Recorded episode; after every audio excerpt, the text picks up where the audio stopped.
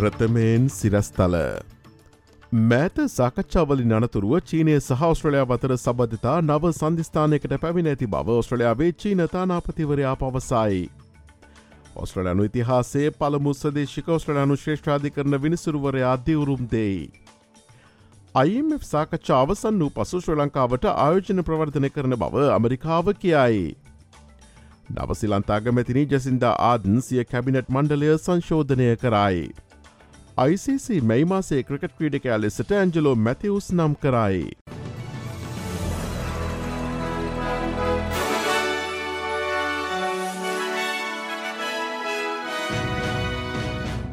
SBS Sinhala ප්‍රෘත්ති සමඟ මම මදුරසන විරත්න. මෑතකාලි නමාත්‍ය සාකච්ඡාවලින් අනතුරුව චීනය සහ ඔස්ට්‍රලයාාව අතර සබධතා නව සන්ධස්ථානයකට පැමිණ ඇති බව ඔස්ට්‍රලයාාවේ චීනතානාපතිවරයා පවසයි.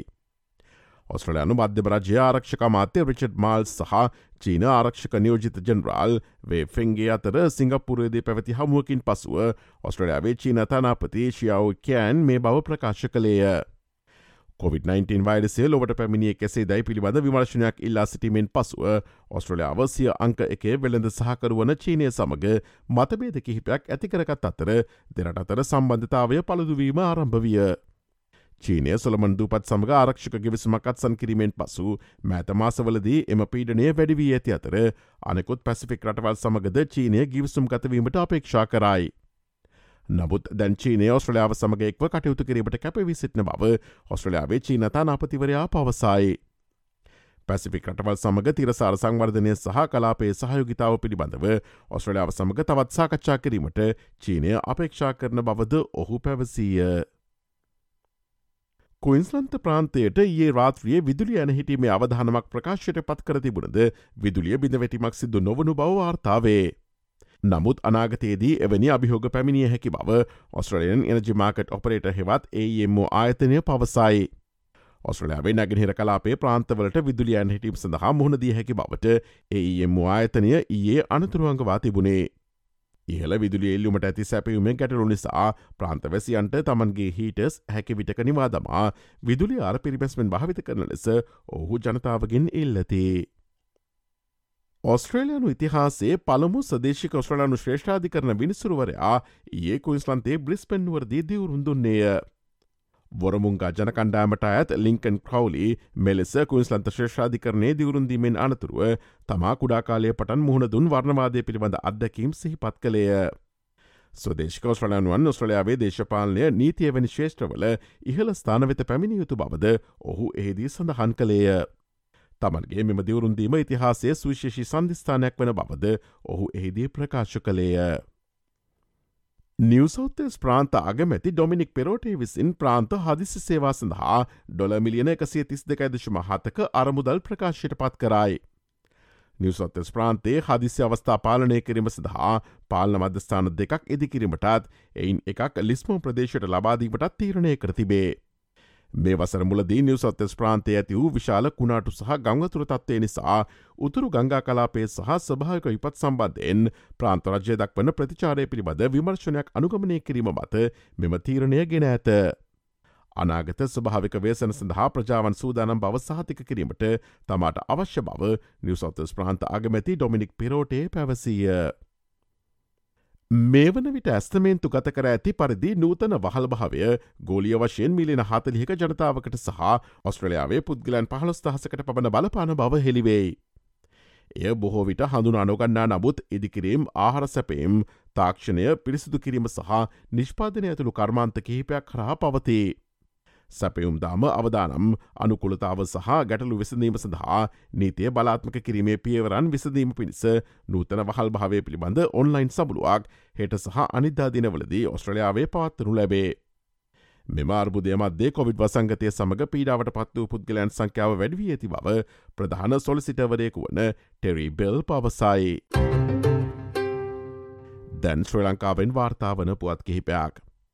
ජාතන්තර මුල්්‍යාර මුදලේ සාකච්ඡා අවසන්වීමෙන් පසුව ශ්‍ර ලංකාවේ ආයෝජන ප්‍රවර්ධනය කිරීම සඳහා ඇමරිකාවේ සහය ලබා දෙන බව ඇමරිකාක්ෂ ජනපදේ රාජ්‍යලේකම් ඇන්ටනි බ්ලින්ටන් මහතා අග්‍රාමාත්‍ය රනිල් වික්‍රම සිංහ මහතාට පවසා තිබේ. අග්‍රාමාත්‍ය රනිල් වික්‍රමසිංහ මහතා ඒ අමරිකාක් සජ්ජනපදේ රාජලේකම්වරයා සමඟ දුරකතර සංවාධයක නිර්ත වූ අවස්ථාවේදී මේ බව පවසා ඇත. ශ්‍ර ලංකාව ජාතන්තර මුල් අරමුදල සමඟ පවතින සාකච්ඡාවල වත්මන් තත්වය පිළිබඳවද අග්‍රමාත්‍ය රනිල් වික්‍රමසිංහ මහතා එහිදී අමරිකානු රාජ්‍යලේකම්වරයාට පැහැදිලි කරතිබේ. ශ්‍ර ලංකාව ඇමරිකාක්ෂ ජනපදය සමඟ සමීප සහයෝගිතාවකින් කටයුතු කිරීමට කැමැත්තෙන් පසුවන බවද අග්‍රාමාත්‍යවරයා එම දුරකතන සංවාදයේදී පවසා ඇත. ශ්‍රී ලංකා විදුලි බල මණ්ඩලේ සභහපති MMC ෆර්ඩිනඩු මහතා එම තනතුරෙන් ඉල්ලාස් වී ඇත. ඕගේ ඉල්ලා සිමෙලිපිය තමා භාරගත් පව විදුලි බල හා බලශක්තිය මාත්‍යය කංචන විජේසය කර මහතා පැවසීය. ඉන් පුරප්පාඩුවන විදුලි බල මණ්ඩලේ සහපති දුරයට එහි උපසභහපති නලින්ද ඉළංග කොන් මහතා පත්කිරීමට නියමිතයි. විදිරිබල මණ්ඩලේ සභහපතිවරයා කෝප් කමිටුව හමුවේ ඉන්දයා ග්‍රාමාත්‍යවරයා සම්බන්ධයෙන් කළ ප්‍රකාශයක් හේතුවෙන් ආන්ද්‍රෝලාත්මක තත්ත්වයක් පසුගේ දිනවල ඇතිවිය. ජනාධිපති ගෝටාබේ රාජපක්ෂ මහතා විදිරිවල මණ්ඩලේ සභහපතිවරයක් කළ එම ප්‍රකාශය පසුව ප්‍රතික්ෂේප කළේය. පසුව එම ප්‍රකාශය තමා ඉල්ලාස් කරගන්නා බව ඉන් අනතුරුව විදිරිපල මණ්ඩලේ සභහපතිවරයා කෝප් කමිටුවේ සභහපතිවරයාට ලිපියක් යොමු කරමින් පැවසුවේය. කෝප් කමිටුවේදී තමා කළ පැහැදිලි කිරීමේදී පීඩනය සහ හැඟීම් හේතුවෙන් ඉන්දිය අගමති යන වචනය ප්‍රකාශ කිරීමට සිදුව බවද ඒ සම්බන්ධෙන් කොන්දෙසි විරහිතව සමාවගන්නා බවද ඔහු වැඩිතුරටත් පැවසීය. දැන් විදෙස් පුවතාක්. නවසිලන්ත අගමැතිනි ජසින්ට ආඩන් සිය කැබිනට් මණ්ඩලය සංශෝධනය කරයි. දිගු කලක් සේවය කළ පාලිමෙන්තු මන්ත්‍රීවරුන් වන ට්‍රෙව මලාට් සහ ක්‍රිස් ෆාෆෝයි පාලිමේන්තුවට සමුදෙන බව නවසිලන්ත අගමැතිනිය පවසයි. නවසිලන්ත කතානායක ට්‍රෙව මලාට් ප්‍රථමවාටක් දස් නවසය අසූ හතරේදී නවසිලන්ත පාලිමේන්තුවට තේරී පත්තු අතර පාලිමේන්තුවට සමුදීමෙන් පසුව යුරෝපේ රාජතාන්ත්‍රික තනතුරක් භාර ගැනීමට ඔහු නියමිත බවවාර්තාවේ. මේ අතර ක්‍රිස් ෆාෆොයි නීතිය ආගමන කටයුතු සහ විකාශන කටයුතු පිළිබඳ අමාත්‍යංශය හැරයයි. පූට විලියම්ස් ඇගේ පොලිස් අමාත්‍යංශයෙන් සංරක්ෂණ සහ ආබාධිත ගැටලු පිළිබඳ අමාත්‍යංශයට මාරු කරන බවත් ක්‍රිස් හිප්කින්ස් පොලිසිය භාර ඇමතිවරයා ලෙස කටයුතු කරන බවත් නවසිලන්තාගමැතිනි ජසින්ඩා ආඩන් පවසයි. දැන් ක්‍රීඩා පුවත් කිහිපයක්. සංචාරක ඔස්ට්‍රලයා පිළ හා ශ්‍ර ලංකාව අතර තරග පහකින් යුත් එක් දින ජාතන්තර ක්‍රිකත් තරගාවලිය පළමු තරගය මහනුවර පල්ලි කලෙ ක්‍රඩාංගනයේදී ඔස්ට්‍රලයනු නැගනිර සම්මත වෙලාවෙන් අදරාත්‍රී හතට ආරම්භවෙයි. දෙනට අතර පළමු හා දෙවනි එක්දින තරග පල්ලෙ කලෙ ක්‍රඩාංගනයේදීත් අවසන් එක්දින තරග තුන කොළඹ ආර් ප්‍රේමදස ක්‍රඩාංගනයේදීත් පැත්තීමට නීමිතයි. පල්ලි කලෙ ක්‍රඩාංගනේ මෙතෙක් පැවති එක්දින ජාතන්තර තරග විසි අටකදී මුලින් පන්දුවට පහරදුන් කණ්ඩෑම අවස්ථා දොළහකදී සහ දෙවනුව පන්දුවට පහරදුන් කණ්ඩෑම අවස්ථා දහසයකදී ජයග්‍රහණ වාර්තා කළේය.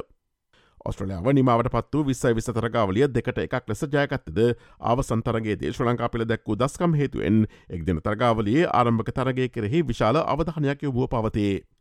ඔස්ට්‍රලියාව සහ ශ්‍ර ලංකාව අතර පැත්වෙන අනු නව වන එක් දින තරගේ මේ වන අතර මෙතෙක් ඉතිහාසේ පැවති තරග අනු අටකින් ඔස්ට්‍රලියාව තරග හැට එකක් සහ ශ්‍ර ලංකාව තරග තිස්තුනක් ජයගෙන ඇති අතර තරග හතරක් විසිදුමකින් තොරව නිමාවී තිබේ. ශ්‍ර ලංකාව සහස්ට්‍රලයාාව අතර පැවති අවසන් එක් දින තරග හතරකදීම ශ්‍ර ලංකාව පිට පිට පරාජයෙන් ලබා ඇත. ඔස්ට්‍රලයාාවේ විවේක ගන්වා සිටි වේග පන්දු යවන ක්‍රඩක පැට් කමින්ස් අද තරගේ සඳහා ක්‍රඩා කිරීමට නීමිතයි. ප්‍රධාන වේග පඳුවන්න තිදිනක ෝස්ට්‍රලනු කණ්ඩාමට ඇතුළත් කර ඇති අතර පැට් කමින්ස් ජොෂ් හැසල්වුඩ් සහ ජේ රිචඩ්සන් එම ක්‍රීඩකයෝ වෙතේ. ශ්‍රී ලංකා ක්‍රිකට් ක්‍රීඩක ඇන්ජලෝ මැතිව් සහ පාකිස්ානයේ දඟපන්දු යවන ක්‍රඩිකා ටූබා හසන් පසුගේ මැයිමාසේ ලොව දක්ෂතම ක්‍රිකට් ක්‍රඩකයා සහ ක්‍රඩිකාව ලෙස අන්තර්ජාතික ක්‍රිකට් කවන්සලය නම් කරයි. අන්තර්ජාතික ක්‍රට කවන්සලය මාසිකව නම් කරන ක්‍රඩකයන් අතරෙන් මැතිවස් පළමුුවට නම් මූ ශ්‍ර ලාංකය ක්‍රඩකයා බවට අන්තර්ජාතික ක්‍රකට් කවන්සිලිය ඒ නිවේදනය කළේය. මැතිවස් බංගලාදේශයට එරහිව නිම වූ ලෝක ටෙස්්ෂූරතා තරගාවලියේ තරගජයග්‍රහණ උදෙසා ලකුණු රැස්කිරීමෙන් දුන්දායකත්තය සහ ටූබාහසන් ඇගේ මංගල අන්තර්ජාතික තරකාවලියේදී පන්දු ඇවිමෙන් පෙන්නු සාර්ථකත්තය හේතුවෙන් මෙය පිරිනමාතිබේ. මැතිවස් බංගලාදේශයට එරහි ටෙස්තරක දෙකේදී ලකුණු තුන්සිය හතලිස් හතරක් රස් කරගත් අතර චිතකුන්හි පළමුතරගේදී ලකුණු එකසි අනුනාවයක් සහ මීර්පුරහි දෙවැනි තරගේදී නොදවී ලකුණු එකසිය හතලිස් පහක් රැස් කළේය. කටාරහි පැවති අන්තර්මහද්දිපික පාපද්දු තරගාවලියේදී පේරු රාජ්‍යටෙරහි පැවති පාපදු තරගය දනුවම් පහරකින් ජයග්‍රහණය කිරීමෙන් පසුව ඔස්ට්‍රලයනු පාපන්දු කණ්ඩෑම පස්සනොරටත් පාපන්දු ලෝක කුසලානේස් දහසුත්සුකම් ලබයි. මූලික තරගේ අවසානයේදී දෙපිළම ලකුණු නලබීම හේතුවෙන් දනුවම් පහරවලින් ප්‍රතිඵලය තීරණය විය. ඔස්ට්‍රලයානු කණ්ඩෑමේ ආදේශක ගෝල රකින ක්‍රඩක ඇන්ඩු රේඩ්මේන් මෙහිදී ඔස්ට්‍රලයාාවට මෙම ජයග්‍රහණය අත්කර දුන්නේ දනුවම් පහර ගෝල පහට හතරක් ලෙසට ඔස්ට්‍රලයාාවට එක් ගෝලයක් රැක දෙමිනි. දෙදහස් විසි දෙගේ පාපන්දු ලෝක කුසලානය එළඹෙන නොවම්බර් විසි එක් වන දින සිට දෙසැම්බර් දහ අටවන දින දක්වා කටා රාජ්‍යයේදී පැවැත්වීමට නීමිතයි. ස්ට්‍රේල ඩොට සාපේක්ෂවත් දිනේ විනිම අනුපාතිකයන් සටහන් වන්නේ මෙයාකාරෙන් ඇමරිකා ඩොල සත හැටනවයයි ප්‍රතාන්‍ය පවම සත පනස් හතයි යුරෝ සත හැට හතයි ජපන්නෙන් අනු තුනයි සත දහනවයයි ශ්‍ර ලංකාරුපියල් දෙසිය හතලිස් අටයි සත හැත්තෑ අටයි. ඔස්ට්‍රලයා පුරාධනය කාලගුණ තත්වය වාර්තාවන්නේ මෙයාකාරෙන් පර්ත් සෙල්සෙස් දහනමයයි මද වැසි ඇතිවේ. ඇඩිලේ දාහතයි මද වැසි වර්ධනය වේ. මෙල්බන් දහතුනයි මද වැසි වර්ධනයවීමට හැකි.